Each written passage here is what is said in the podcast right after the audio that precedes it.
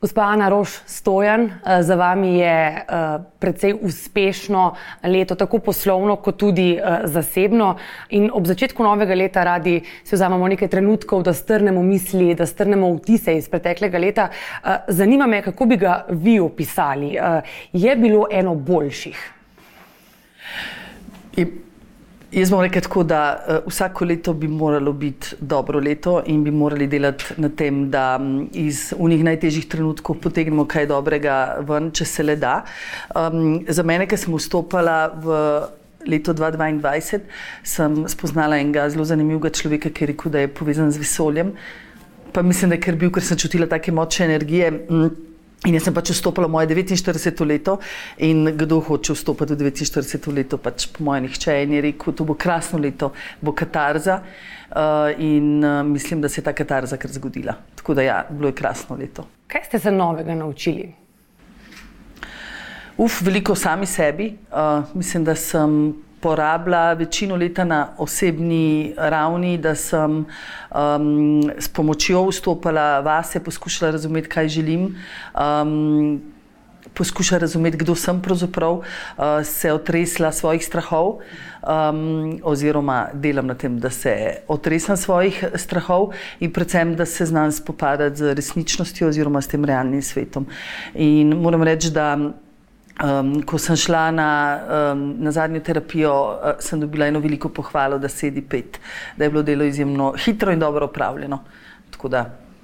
Kar se tiče poslovnega uh, vidika oziroma poslovnega življenja, bi lahko rekli, ne, uh, ste oktobra lani odprli tudi novo pekarno v središču Ljubljane in popraševanje je bilo takšno, da ste za nekaj časa morali celo zapreti vrata. Uh, ste zdaj našli rešitve za neko normalno obratovanje uh, in Ali vas je ta izkušnja naučila kaj novega?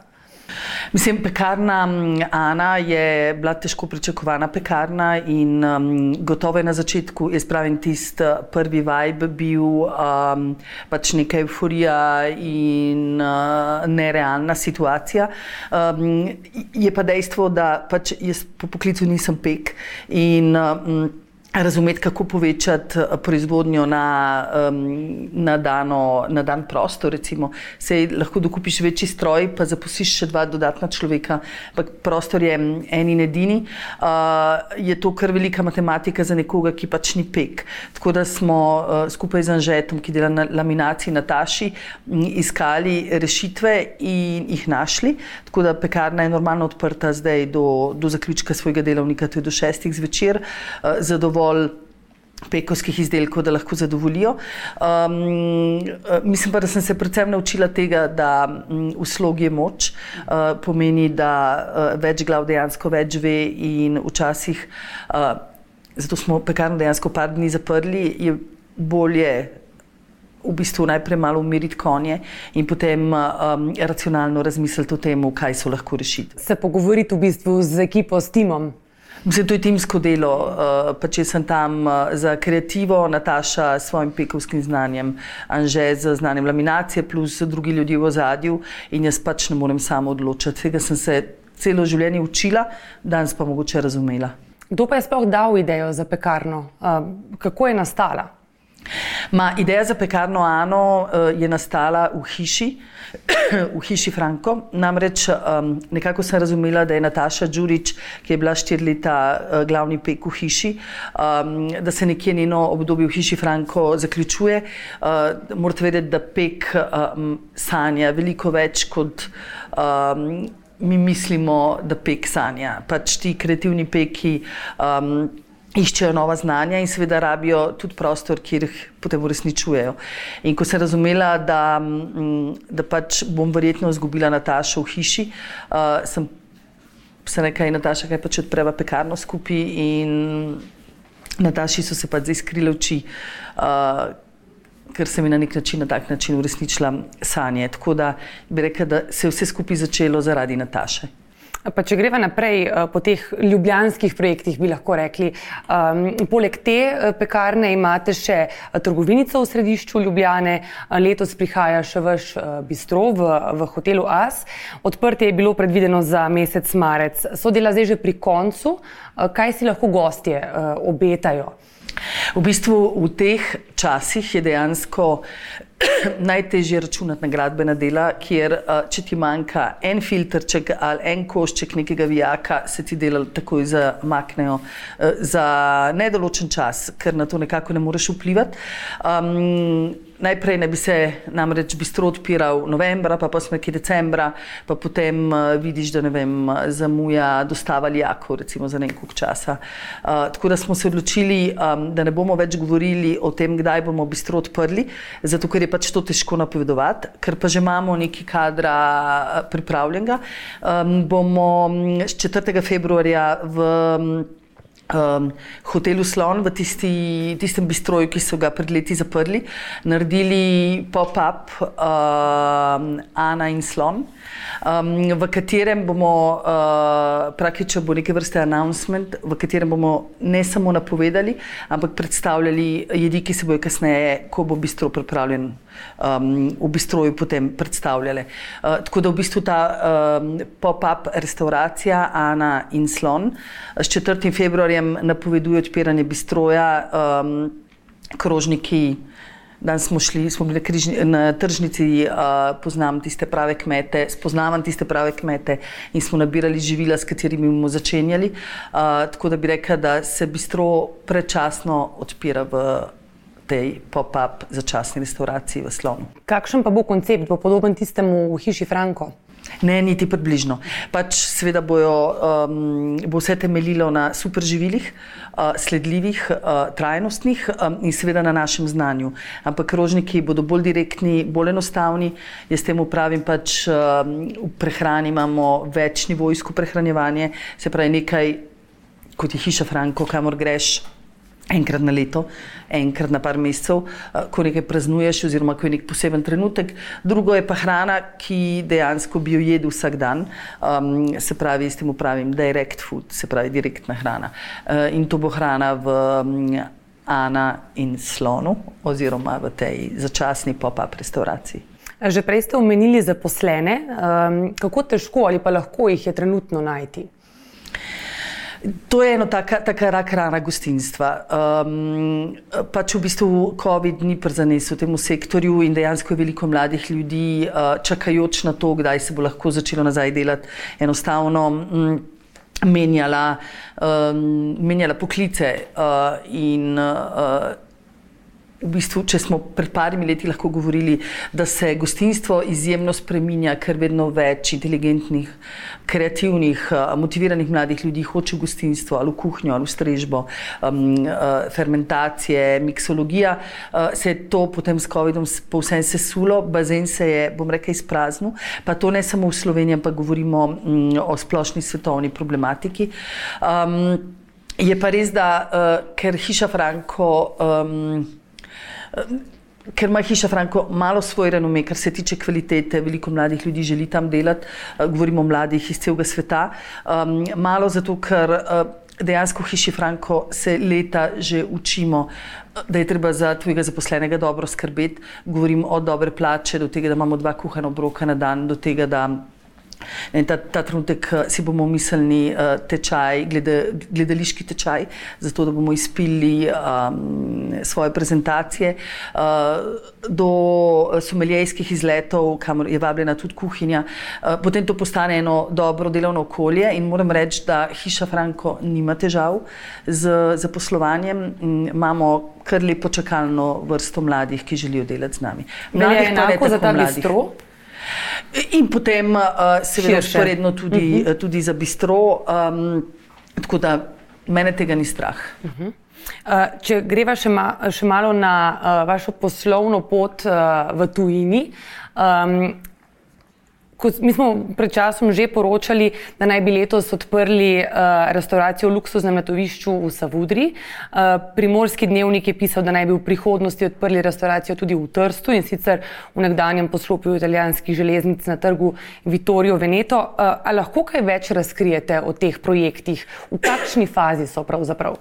Lahko, lahko. V bistvu um, Sabudrija je tik pred podpisom pogodbe, v bistvu naj bi jo podpisali v nedeljo. Uh, v bistvu restauracija že stoji in je prekrasna s pogledom na Portoroš, Piran, uh, Dolomite. Gre pa za konzulting, se pravi, uh, uh, tam bom jaz imela svoje ključne ljudi. Um, mi nismo že postavili, vinsko karto postavljamo. Um, Ni pa to moja hišna restauracija, to pač ostaja hiša Franko. Uh, morate vedeti, da ko v hiši Franko uh, se je v letih toliko krasnega kadra izobrazilo, z nami zraslo, da potem na tak način jim daješ tudi možnosti, da.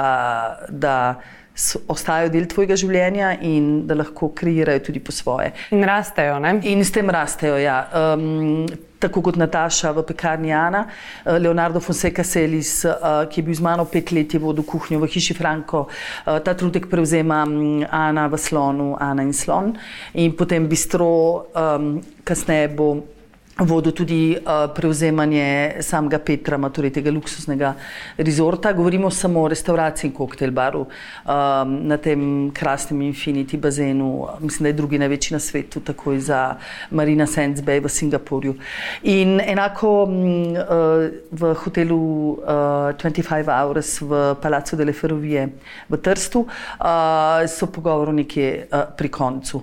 Um, na ta način uh, jaz uresničujem malo svoje sanje, ker ne odhajam daleč od doma, ostajam v regiji, ampak um, pač celo otroštvo sem preživljala čas v Istri in uh, poznam Istro. Skoraj to kot dolino Soče, se pravi, pobirali smo paradižnike avgusta, uh, jedli od ribičev um, in bi to rada uresničila v Savudri. Trst je pa nekako moj neke vrste drugi dom, pač delala sem Tržaško univerzo, pa moja družina uh, prihaja delno iz Trsta, tudi mama je živela tam kot otrok in na nek način uh, uresničevanjem Trsta se vračam domov.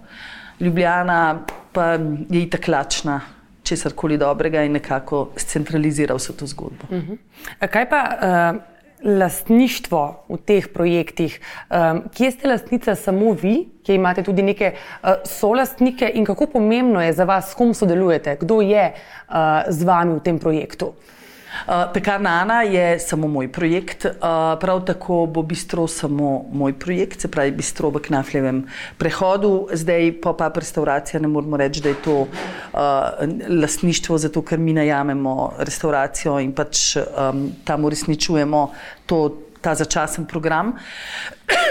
v primeru Istre in um, Trsta uh, sem pa jaz v bistvu bom rekel, najet svetovalec, kar pomeni nekdo, ki postavi meni, uh, nekdo, ki uh, skrbi stalno, da je meni uh, pravilno.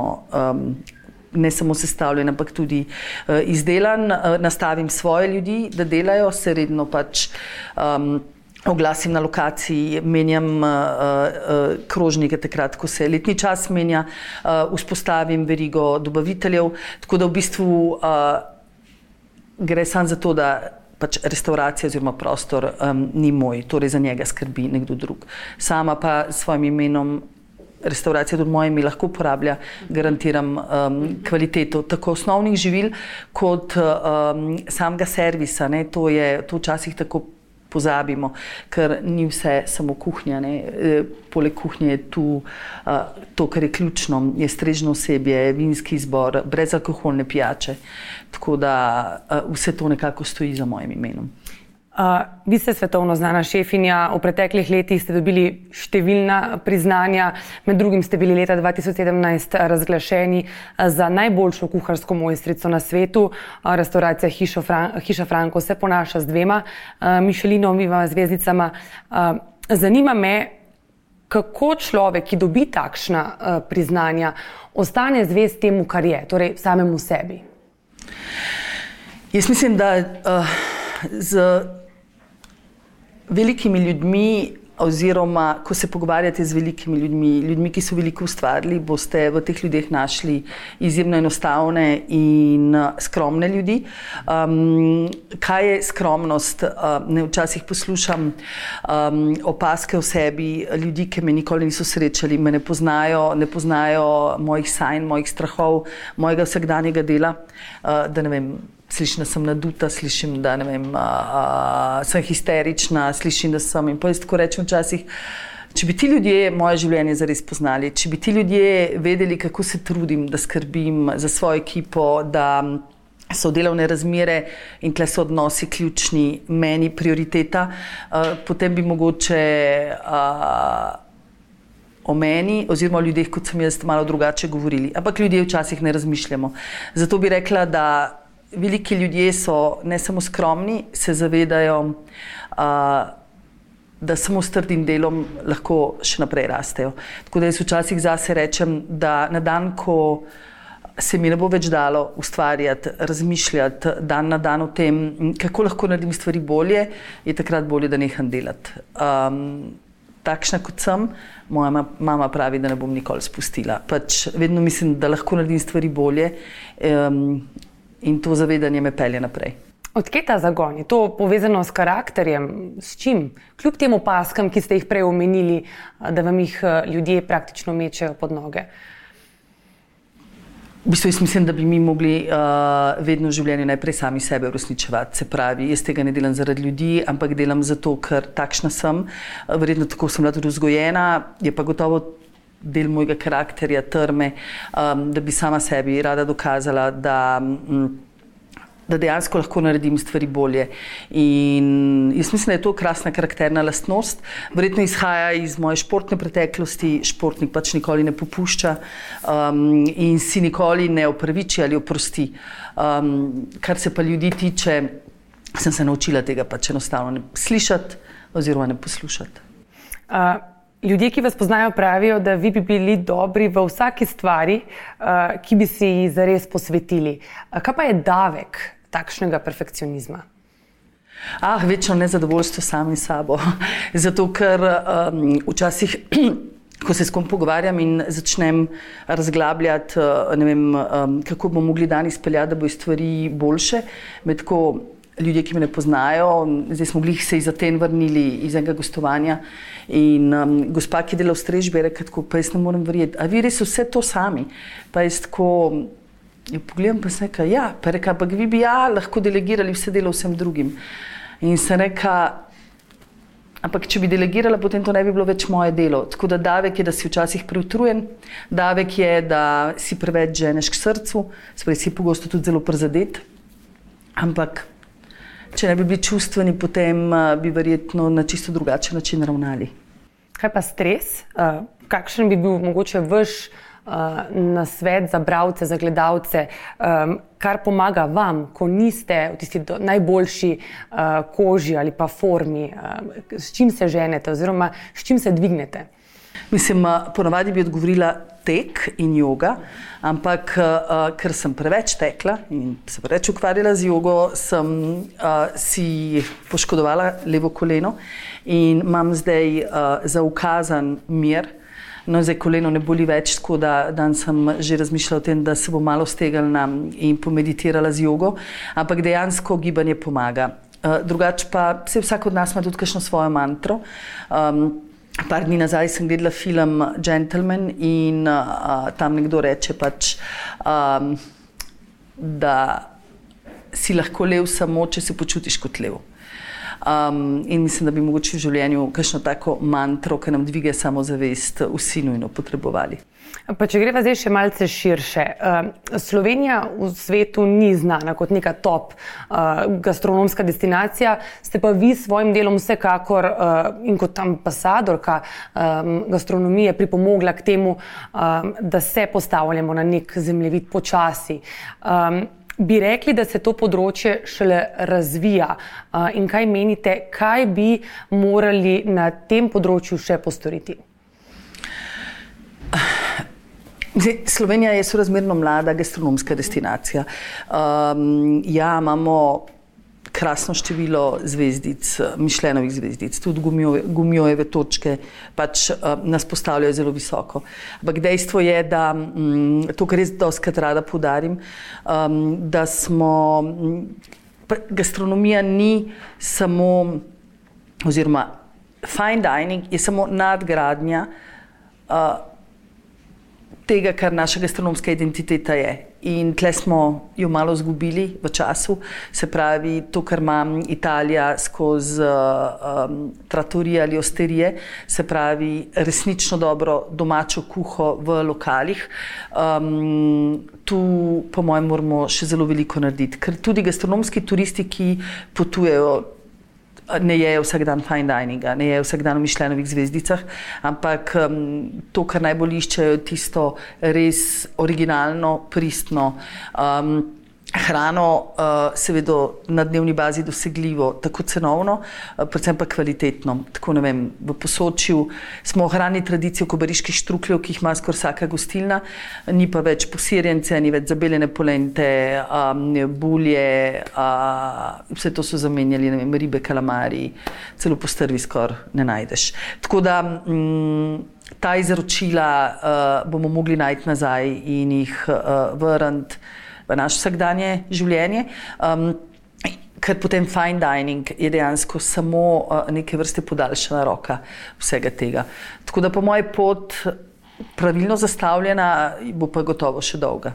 In verjetno tudi ne, uh, bo tukaj zelo pomembno vključevanje lokalnega in sezonskega. Uh, kaj so neke stvari ali nauki, ki jih lahko najdemo v vaših jedeh, pa smo na nje v vsakodnevnem življenju, v tej hektiki, popolnoma pozabili? Ma, gre predvsem za sledenje letnemu času.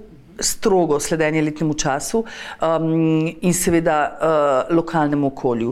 Um, meni doskrat ljudje rečejo, da je hiša Franko a tradicionalni restoran. Ne, hiša Franko absolutno ni tradicionalna restauracija.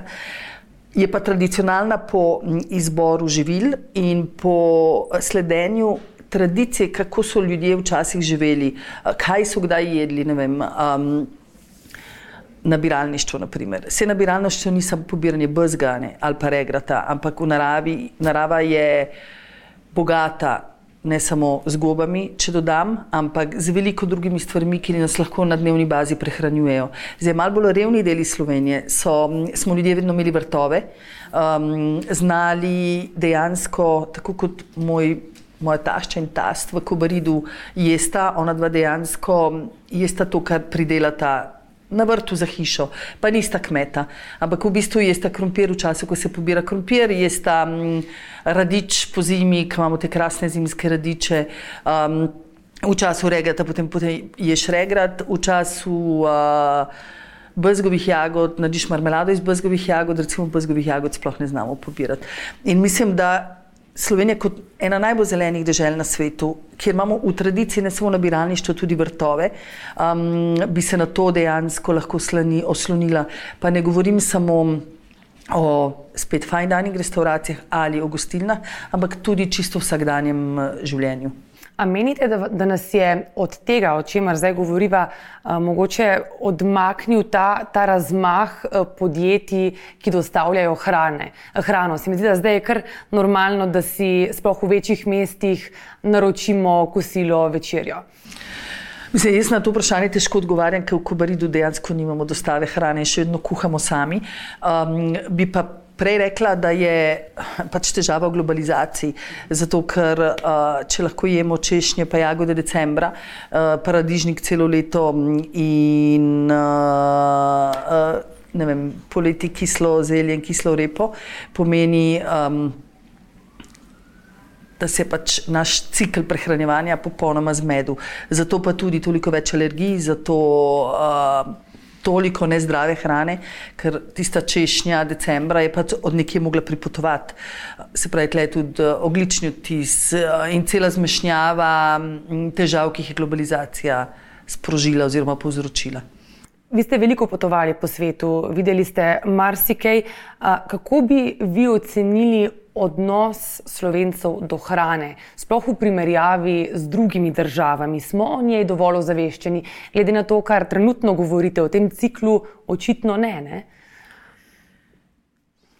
Jaz mislim, da mlada generacija, ki prihaja, to je recimo generacija mojih otrok, je izjemno zaveščena, uh, kaj in kako jesti. Jejo manj, uh, jejo v glavnem biološko pridelano hrano. Vem, moji otroci, odkar so rojeni, niso hoteli jesti sadnega jogurta. Ne, da ga sem, jaz nisem hotela ju omejevati z mojimi principi v življenju, sem ju ima dala samo neke smernice, ampak dejansko sviti Neva Klara nista nikoli kupila sadnega jogurta, nikoli ni bilo doma um, sladkih pijač.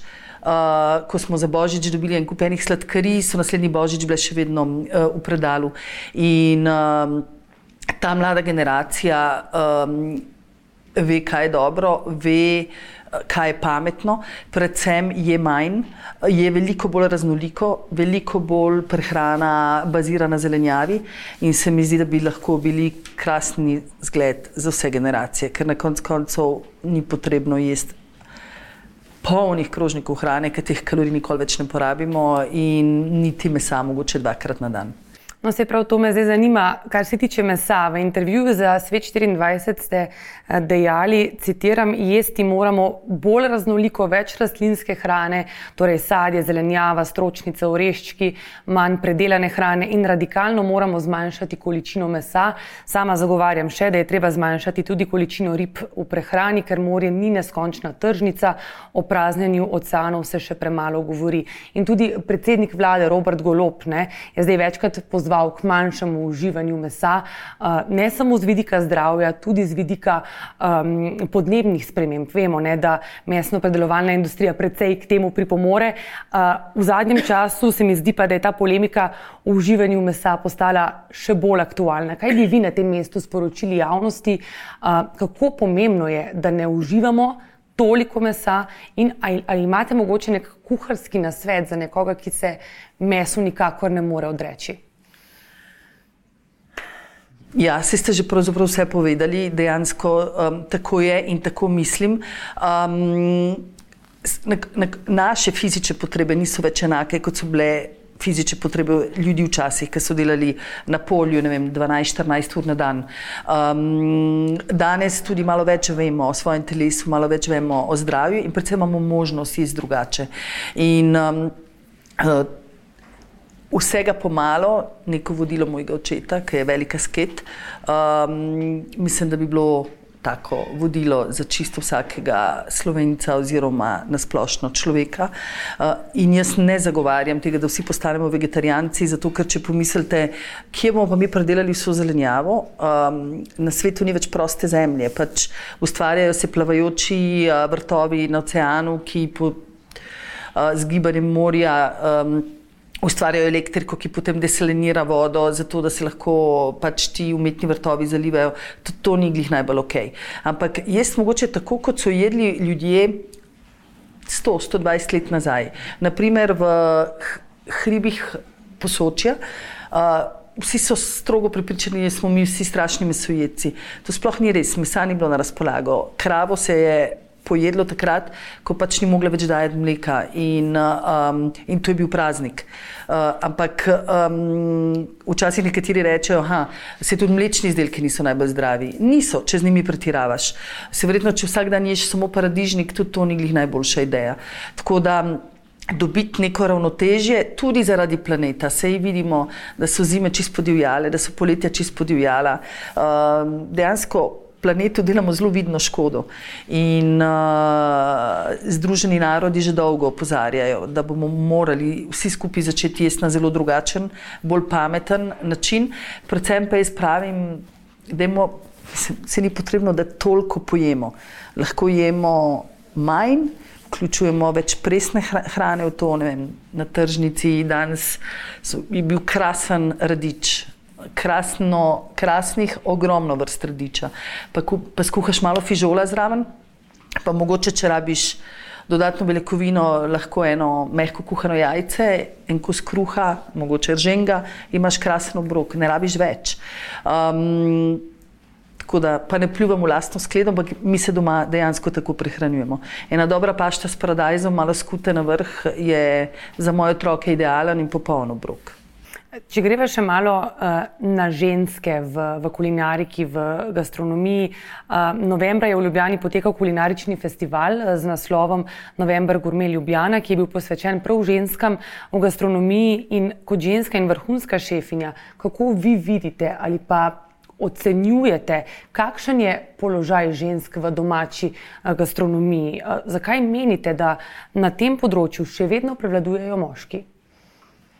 Mislim, da to ni samo uh, v Sloveniji, to je nasplošno ena tematika, ki se odpira zadnja leta v svetovni gastronomiji. Torej, je podobno tudi v, v tujini čez mejo. Še težje, po moje, in še manjša prisotnost žensk v, v kulinariki, sploh v teh malo bolj tradicionalno organiziranih družbah, kot je recimo Italija, kjer uh, mama in nona sta nekako središče družine in sve, svete osebe, um, kjer se še vedno vsak dan kuhajo polnovredni obroki in se zares kuhajo njuki, se rolajo in režejo, pašta se vleče. Um, morate vedeti, da je kuhanje en izjemno kompleksen, uh, zahteven poklic, pa enako velja za strežbo, ki zahteva ogromno energije, predvsem pa vso svojo pozornost. Ženske pa pač po. Um, ne po tradiciji, tudi ne po tradiciji, pač bomo vedno najprej mame, bomo žene, bomo gospodinje. Um, in ta paket je, če nisi zares zelo sfokusiran, motiviran, uh, zelo najbolj pogosto prevelik, zato da bi nekdo zmogel kariero v gastronomiji, ker če hočeš kariero, moraš vse življenje posvetiti temu, hkrati pa biti vem, dobra mama, ker vse želimo biti dobre mame, pa dobra žena, pa gospodinja. Tako da mislim, da ta matematika sploh ni rešljiva, uh, dokler uh, se bodo v gastronomiji um, in to se bo zelo težko spremenilo, pač uh, bojo razmere takšne, kot so, se pravi, uh, naporno delo, dolgi delovni časi, um, potem verjetno. Bo ostala številka žensk v kulinariki uh, manjša od tega, kar bi si želeli. Prav to, ne, kar, kar govorite, da v mnogih, oziroma v večini slovenskih gospodinstv uh, je kuhanje pač primarna vloga ženske.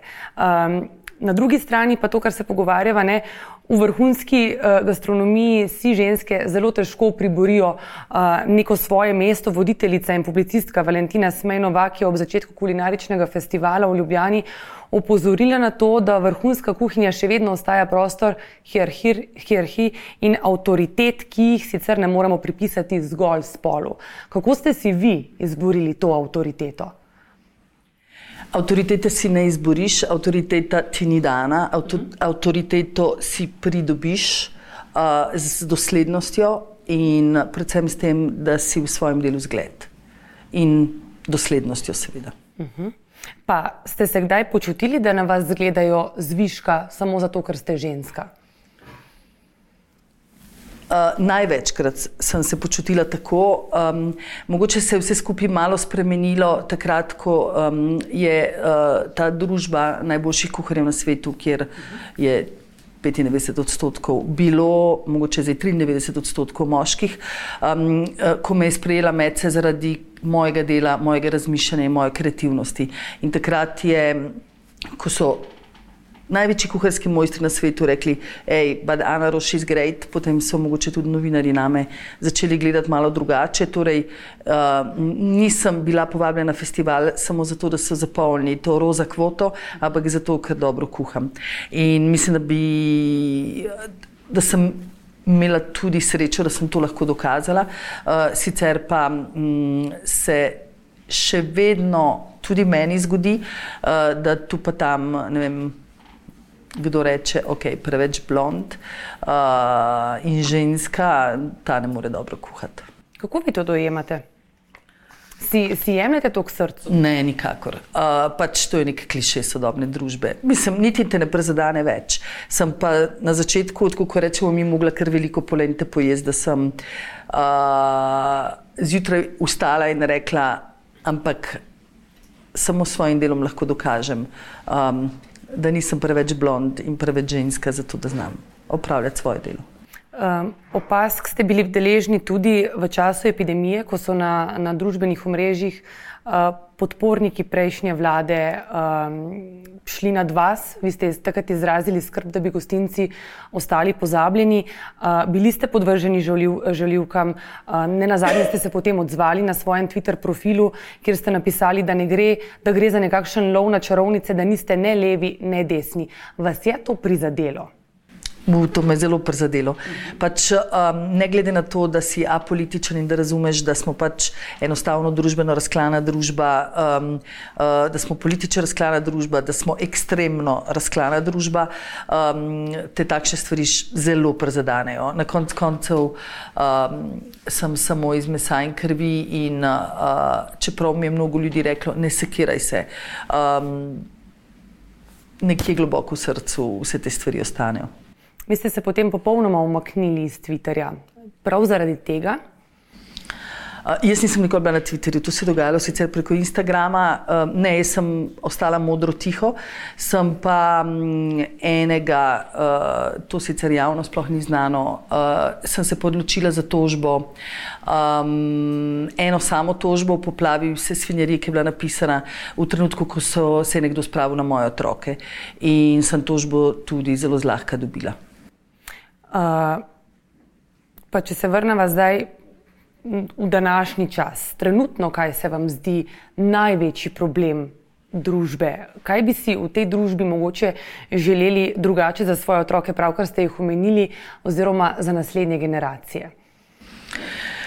Uf, ta družba je strašno kompetitivna. Pač v bistvu. Um, Jaz sem skozi moje otroke doživljala to kompetitivno okolje, ker sem sama rasla uh, in ko sem sama rasla, um, sem, uh, so vsi rezultati bili samo plod mojega dela in tako sem bila celo osnovno šolo prav dobra, pa potem kasneje v gimnaziji prav dobra, pa potem odlična.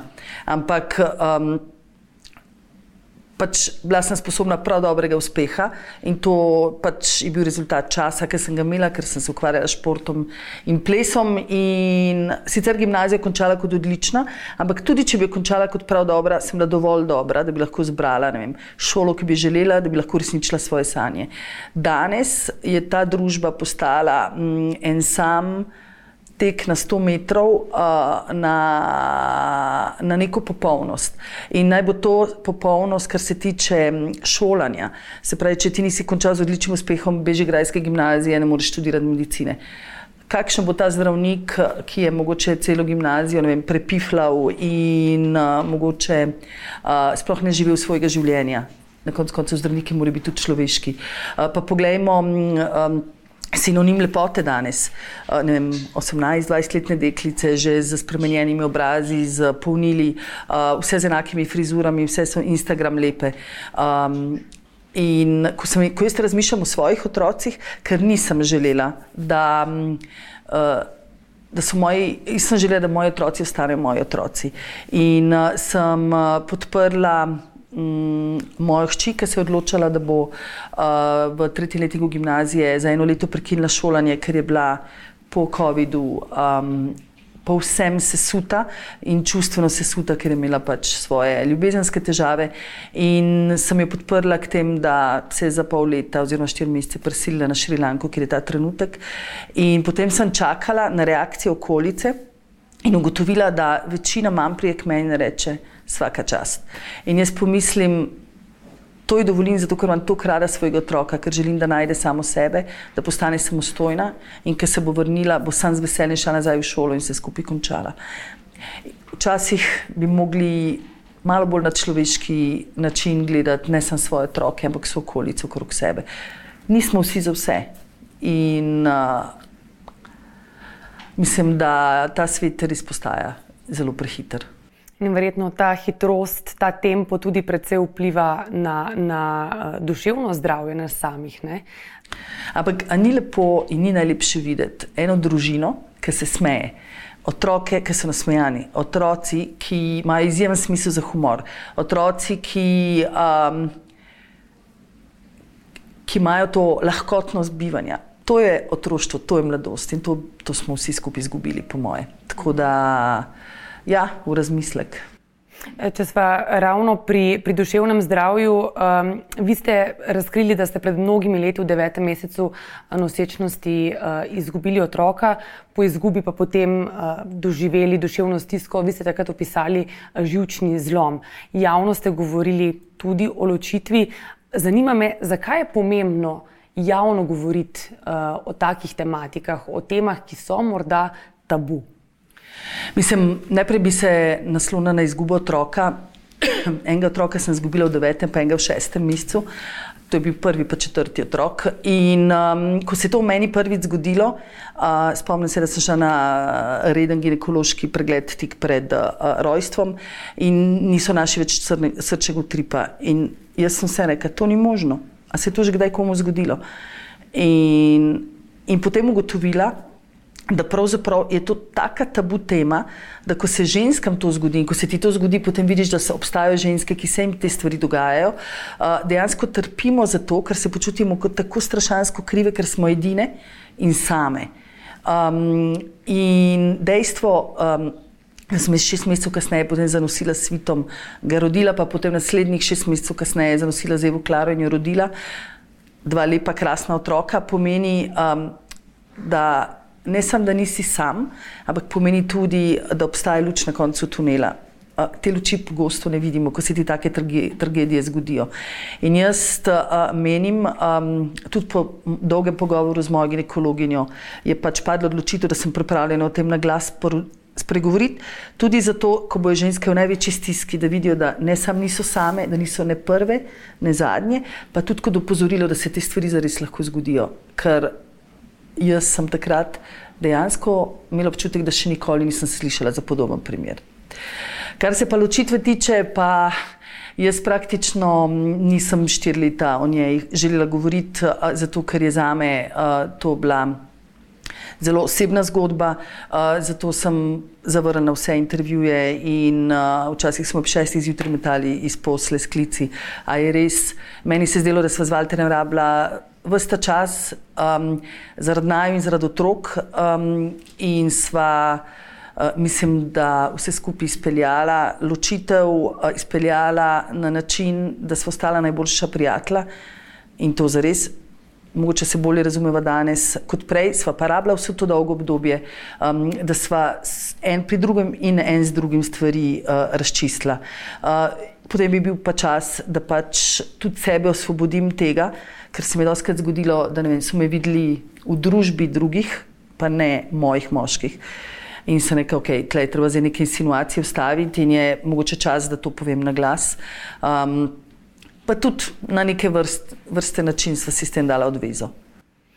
Um, če, če se navežem še na izgubo um, otrok, um, ste vi takrat poiskali neko pomoč, uh, oziroma um, rekli ste, da je da niste vedeli, da se to dogaja, oziroma niste poznali primera, eh, da je treba javno govoriti o tem, da se ozavešča. Eh, kako pomembna je pa na tej točki pomoč, da jo poiščemo in da jo dobimo?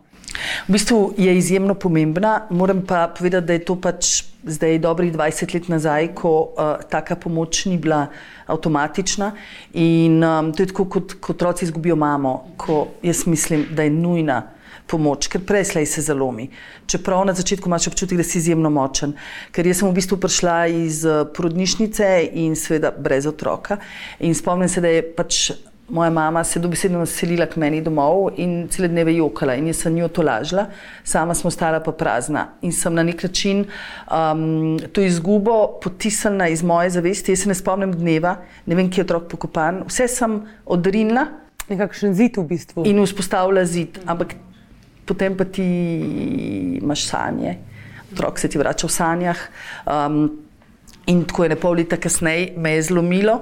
Um, in takrat sem se zavedala, da je bila največja napaka, ki sem lahko storila, to, da nisem poiskala strokovne pomoči, ker nihče ni dovolj močen, da take stvari predela sam. In se mi še danes dogaja, da ta otroček se vrača v sanjah. A vas je kdaj strah, da ko javno govorite o takih stvarih, da bi nekdo te informacije, te vaše zgodbe uporabil proti vam? Ne vem, da bi se vas lotili neki spletni troli ponovno. Bi jaz sem vprašala, zakaj le. Um, takšne, takšne pripovedi lahko ljudem samo pomagajo, in uh, mislim, da se mi smilijo ljudje, ki bi uh, ljudi, uh, ki so pripravljeni tako težke zgodbe deliti, zato ker o njih ni lahko govoriti. V bistvu ne jočem več, ampak me še vedno boli. Ampak um, to stvar delim samo zato, ker vem, da je teh angelskih mamic toliko v zadju um, in živijo v takih stiskah, včasih si ne znajo pomagati, oziroma včasih si nočejo pustiti pomagati, uh, včasih noče več razmišljati o novem otroku, ampak na koncu tega tunela je lučka. In če nekdo um, takšne pripovedi izrabi, potem, po mojem, zares ne more biti dobra oseba. Ravno, ko ste omenili luč, uh, letos se je o vas precej pisalo, govorilo, uh, ko govorimo o ljubezni, ko govorimo o, o poroki. Vsa Slovenija je praktično govorila o vaši poroki. Zanima me, v čem se zaljubljenost razlikuje, uh, ko govorimo o zaljubljenosti v zrelih letih, od tiste v mlajših, če se sploh. Jaz mislim, da se intenzivnost čustev uh, ne razlikuje. Um, razlikuje se samo uh, modrost zaljubljenosti na nek način, oziroma modrost ljubezni, um, ker imaš pa za sabo toliko kilometrine, toliko dobrih in slabih izkušenj, um, da enostavno veš. Zato tudi vem, večina ljudi reče: tako, Zakaj ste se pa videli tako hitro poročili? Ne se tako. Jaz sploh ne dvomim, ker vem, ker znam brati, ker znam uh, analizirati, ker prebiram in uh, nisem rabila dolgo časa, da sem urbana enostavno prebrala. Predvsem pa si uh, bolj kot si zrel, bolj znaš tudi biti iskren. Um, In predvsem pa veš, da ne poročaš se zato ali se zapletaš v zveze zato, uh, da bi šel na razen, ampak zato, da bi dejansko ostal skupaj. Uh, vem, da se to sliši noro, ampak dejansko, ko smo mm, mlajši, včasih ne vidimo dovolj oziroma ne znamo dovolj, ker nimamo dovolj kilometrine, pač prepoznavati znakov, analizirati. Kasneje, s toliko izkušnjami za sabo, se ti stvari veliko hitreje odvijajo. Kakšen je potem nek vaš recept, kako negovati ljubezen, uh, odnos, uh, partnerstvo? Um, kaj je recept, ki se ga vi zdaj, recimo, uh, nameravate držati? Je to ta zrelost, pride to skupaj z, z, z leti, z izkušnjami? Pa se jaz moram reči, da. Um, Tu ni nek recept, uh, eno kilo testenin, pa 200 gramov paradižnikove omake, ampak gre za. Um, opazovanje osebe, s katero si um, kompromisi, ki so nujni, uh, predvsem pa uh, jaz sem nekdo, ki se res poskuša izogibati konfliktnih situacij, zato se o stvarih uh, raje prej pogovorim. Pa moram reči, da sem čisto enako um, živela tudi z Walterjem, mi dva sva imela. Uh, Sem jaz imela krasno življenje skupaj. Potem smo pač začela vsak rast um, na, um, na drug način, oziroma nekako svojo pot. Pa tukaj je verjetno tudi vedno več dela, pa nekako moj uspeh, ker precej pripomogel k temu, da smo se začeli eno drugo oddaljevati. Ampak jaz mislim, da bi v odnosu mogli iskati srečo in ne nesreče, in veselje in ne konflikta. In mislim, da vsi dobro vemo, da se lahko konfliktnim situacijam zares uh, izognemo. Ko ste ravno uh, omenili nekdanjega partnerja, uh, bil je tudi na vaši poroki, če se ne motim. Um, zanima me, kako pomembno je, da imajo partnerji, ki imajo iz prejšnjih vez otroke, dober odnos tudi z otroki novega partnerja. Kako pomembno je, da ohranjajo te korektne odnose z očeti in materami uh, svojih otrok, torej z nekdanjimi partnerji.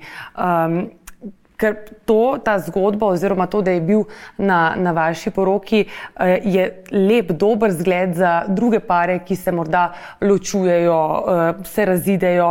Kako uh, gojiti neko vzajemno spoštovanje? Ampak, ko mm, se je. Um, Valterjeva, nažalost, preminula sestra, uh, poročila, smo za poročno mizo sedeli Valterjeva, bivša žena, ker je bil pred mano že enkrat poročen, uh, pa njenov partner, pa mi dva z Valterjem. In uh, cela poroka na svetku gledanja je rekla, kaj pa to, pa mi tako, ampak na koncu koncev. Toliko lepega preživiš skupaj, imaš krasne darove, to so otroci. Um, to je družina. In uh, ko sem jaz Valterja povabila na poroko, jaz vem, seveda je mogel predelati stvari v sebi, ker uh, tudi ko se bom poročil, jih bom mogla jaz predelati, ker ostaja meni zel, oseba, ki mi je zelo blizu in oseba, ki jo bom vedno imela rada, neskončno rada in bi vse naredila za njega. In ko mi je potrdil na poroko pride, sem nekaj nisem nič druga pričakovala, ker je tam tvoje mesto in edino prav, um, da si z mano na takšen dan.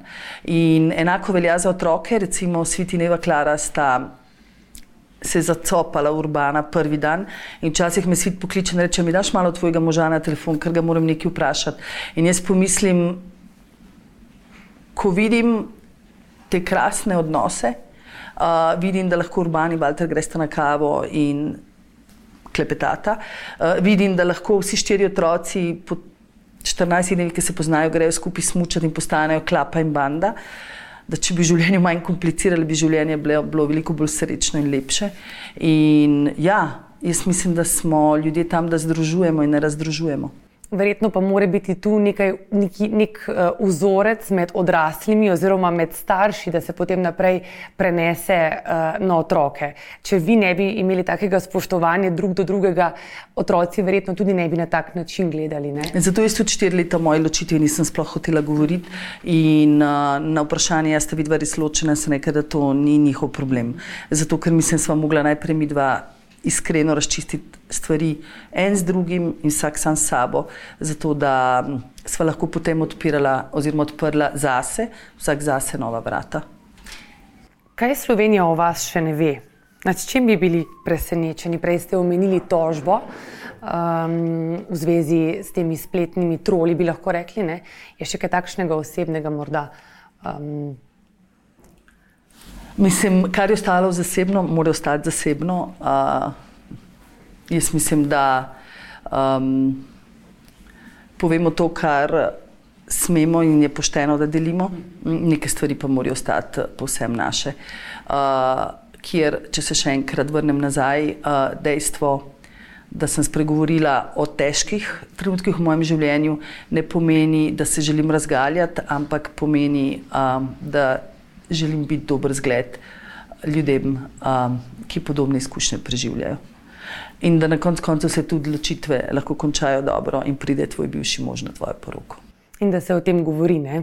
V smislu, da se, ne, da se govori zdaj v javnosti, ne mislim tega, ampak da, da niso to, ne, to neke tabu teme, ampak da se moramo pogovarjati o takih uh, tematikah. V življenju bi se morali več pogovarjati. Na koncu koncev.